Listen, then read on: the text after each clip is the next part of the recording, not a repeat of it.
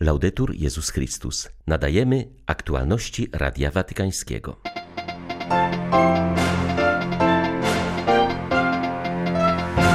Przyjmowanie Eucharystii ma prowadzić do stawania się darem dla innych, powiedział papież w rozważaniu przed modlitwą Anioł Pański. Dobro nigdy nie może zostać pokonane przez zło. To istota świadectwa nowej błogosławionej siostry Marii Laury Mainetti. Franciszek przywrócił Irakijczykom godność oraz potraktował ich jak jeden naród. Tymi słowami po trzech miesiącach wspominają wizytę Ojca Świętego jej uczestnicy. 6 czerwca witają Państwa Krzysztof Bronk i ksiądz Krzysztof Ołdakowski. Zapraszamy na serwis informacyjny. Dzisiaj odnajdujemy wielkość Boga w okruszynie chleba, w kruchości, która jest przepełniona miłością i dzieleniem się. Powiedział papież w rozważaniu przed modlitwą Anioł Pański. Franciszek zwrócił uwagę, że poprzez pokorny gest daru i dzielenia się Jezus daje nam największy sakrament swojej obecności – który wyraża obchodzona dzisiaj we Włoszech oraz wielu innych krajach uroczystość Bożego Ciała. W Eucharystii Jezus staje się kruchy jak chleb, który jest łamany, ale w tym geście tkwi Jego siła. Ta kruchość staje się mocą miłości, która się umniejsza, łamie i dzieli się, aby karmić i dawać życie. Ojciec Święty stwierdził, że jest jeszcze jedna siła, która uwydatnia się w kruchości Eucharystii. Siła miłująca tych, którzy błądzą i upadają. Jezus w nocy, kiedy został zdradzony, dał siebie jako chleb życia. Zdrada jest największym cierpieniem dla tych, którzy kochają. A jak reaguje Jezus? No Na zło reaguje większym dobrem. Na nie Judasza odpowiada tak miłosierdzia. On nie karze grzesznika, ale daje swoje życie za niego, płaci za niego. Kiedy przyjmujemy Eucharystię, Jezus czyni to samo z nami. Zna nas, wie, że jesteśmy grzesznikami, wie, że popełniamy wiele błędów, ale nie rezygnuje z łączenia swego życia z naszym. On wie, że jej potrzebujemy, bo Eucharystia nie jest nagrodą świętych, jest chlebem grzeszników. Dlatego zachęca nas, nie bójcie się, bierzcie i jedzcie. Ojciec Święty zaznaczył, że kiedy przyjmujemy chleb życia, Jezus nadaje nowe znaczenie naszym słabościom. Przypomina, że jesteśmy cenniejsi niż nam się wydaje. Powtarza, że Jego miłosierdzie nie boi się naszej nędzy. On przychodzi, aby uzdrawiać nas z tych ułomności, których sami nie potrafimy uleczyć. Eucharystia jest skutecznym lekarstwem przeciwko tym zamknięciom. Chleb życia leczy bowiem surowość i przemienia ją w zdolność uczenia się. Eucharystia uzdrawia, ponieważ jednoczy nas z Jezusem. Sprawia, że przyswajamy sobie Jego sposób życia, Jego zdolność do łamania siebie i dawania siebie braciom, do odpowiadania dobrem na zło. Daje nam odwagę, aby wyjść poza swoje ograniczenia i pochylić się z miłością nad słabościami innych, tak jak Bóg czyni to z nami. Taka jest logika Eucharystii. Przyjmujemy Jezusa, który nas kocha i leczy nasze słabości, aby kochać innych i pomagać im w ich słabościach. E Na zakończenie Franciszek zwrócił się do Maryi, w której Bóg stał się ciałem, aby pomagała z wdzięcznym sercem przyjmować dar Eucharystii i czynić ze swojego życia dar dla innych. Po modlitwie Anioł Pański papież nawiązał do wstrząsającego odkrycia szczątków 215 dzieci, uczniów Kamloops Indian Residential School w prowincji Kolumbia Brytyjska w Kanadzie. Przyłączył się do biskupów kanadyjskich i całego kościoła katolickiego w tym kraju w wyrazach współczucia dla społeczeństwa zbulwersowanego szokującą wiadomością. Franciszek zaznaczył, że to smutne wydarzenie jeszcze bardziej zwiększa naszą świadomość bólu i cierpienia czasów minionych. Władze polityczne i religijne Kanady będą nadal z determinacją współpracować, aby rzucić światło na to smutne wydarzenie i pokornie zaangażować się w drogę pojednania i uzdrowienia. Te trudne wydarzenia są silnym wezwaniem dla wszystkich aby odwrócić się od modelu kolonizacyjnego oraz dzisiejszych kolonizacji ideologicznych aby iść ramię w ramię w dialogu, wzajemnym szacunku i uznaniu praw oraz wartości kulturowych wszystkich córek i synów Kanady. Polecamy Panu dusze wszystkich dzieci, które zmarły w kanadyjskich szkołach z internatem i modlimy się za pogrążone w żałobie kanadyjskie rodziny i wspólnoty tubylcze.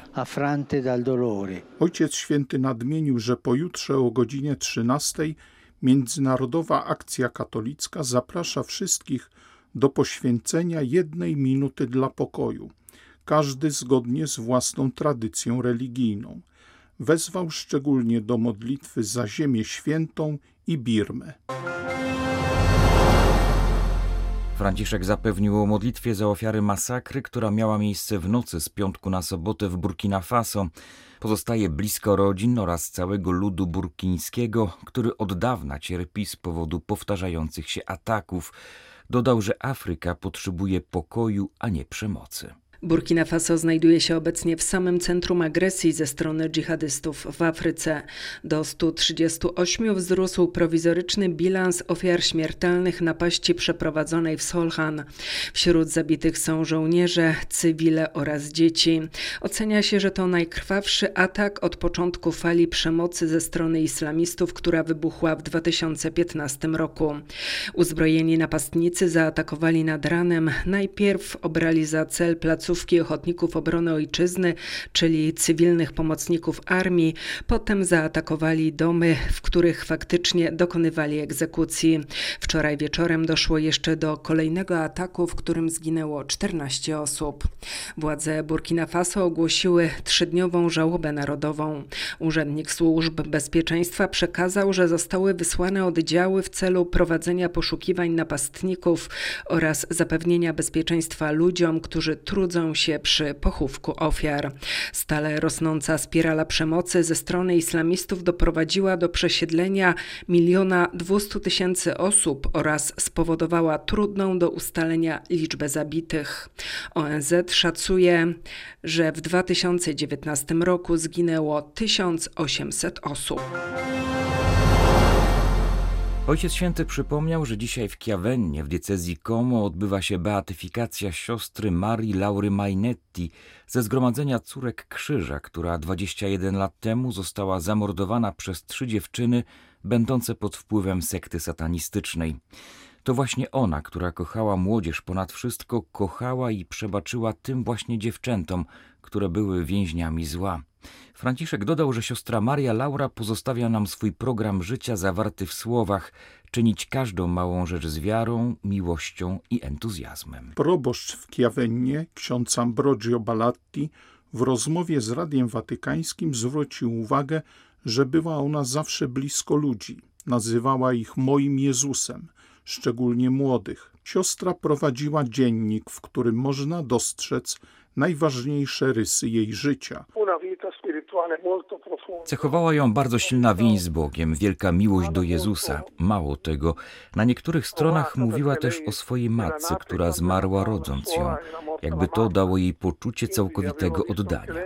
Istnieje cały szereg odniesień, które nasuwają myśl, że w jakiś sposób siostra przez lata przygotowywała się na całkowity dar życia. Morderstwo posłużyło do odkrycia świetlanej postaci, o której w przeciwnym razie niewielu by wiedziało jak to się zawsze dzieje w przypadku tak wielu wiernych sług Ewangelii. Na początku były pewne zastrzeżenia co do procesu beatyfikacyjnego, ale upieraliśmy się przy tym, bo ta sprawa jest darem dla całego Kościoła. Dar to znaczy pokazanie światu, czym jest dobro i że dobro nie może być zniszczone przez zło. Zło, ludzka niegodziwość może odebrać ci życie fizyczne, ale nie może ukraść i zniszczyć miłości. Jest to fundamentalna prawda, nie tylko dla wierzących. Dziewczyny same wyszły na prostą i zrozumiały, że przegrały. To, co wydawało się porażką dla siostry, okazało się zwycięstwem. Beatyfikacja to potwierdza. Święty Norbert żył w wielu różnych okolicznościach, ale w każdej sytuacji pozwalał się prowadzić Ewangelii. Jako wędrowny kaznodzieja, kapłan, przełożony wspólnoty, biskup, zawsze słuchał Boga i braci i umiał rozeznawać w różnych okolicznościach życia, nie tracąc z oczu swojej podstawowej inspiracji. Czytamy w liście papieża z okazji 900-lecia powstania pierwszej wspólnoty kanoników regularnych zwanych powszechnie Norbertanami. Franciszek rozważa w nim życiową drogę, którą przebył święty Norbert, ukazując go jako jednego z głównych twórców reformy Kościoła w XII wieku. Papież przypomina, że życie świętego Norberta przypada na czas sporu papieża i cesarza o inwestyturę. W kościele rodziła się wówczas nowa wrażliwość na wymogi Ewangelii i na misję osób duchownych.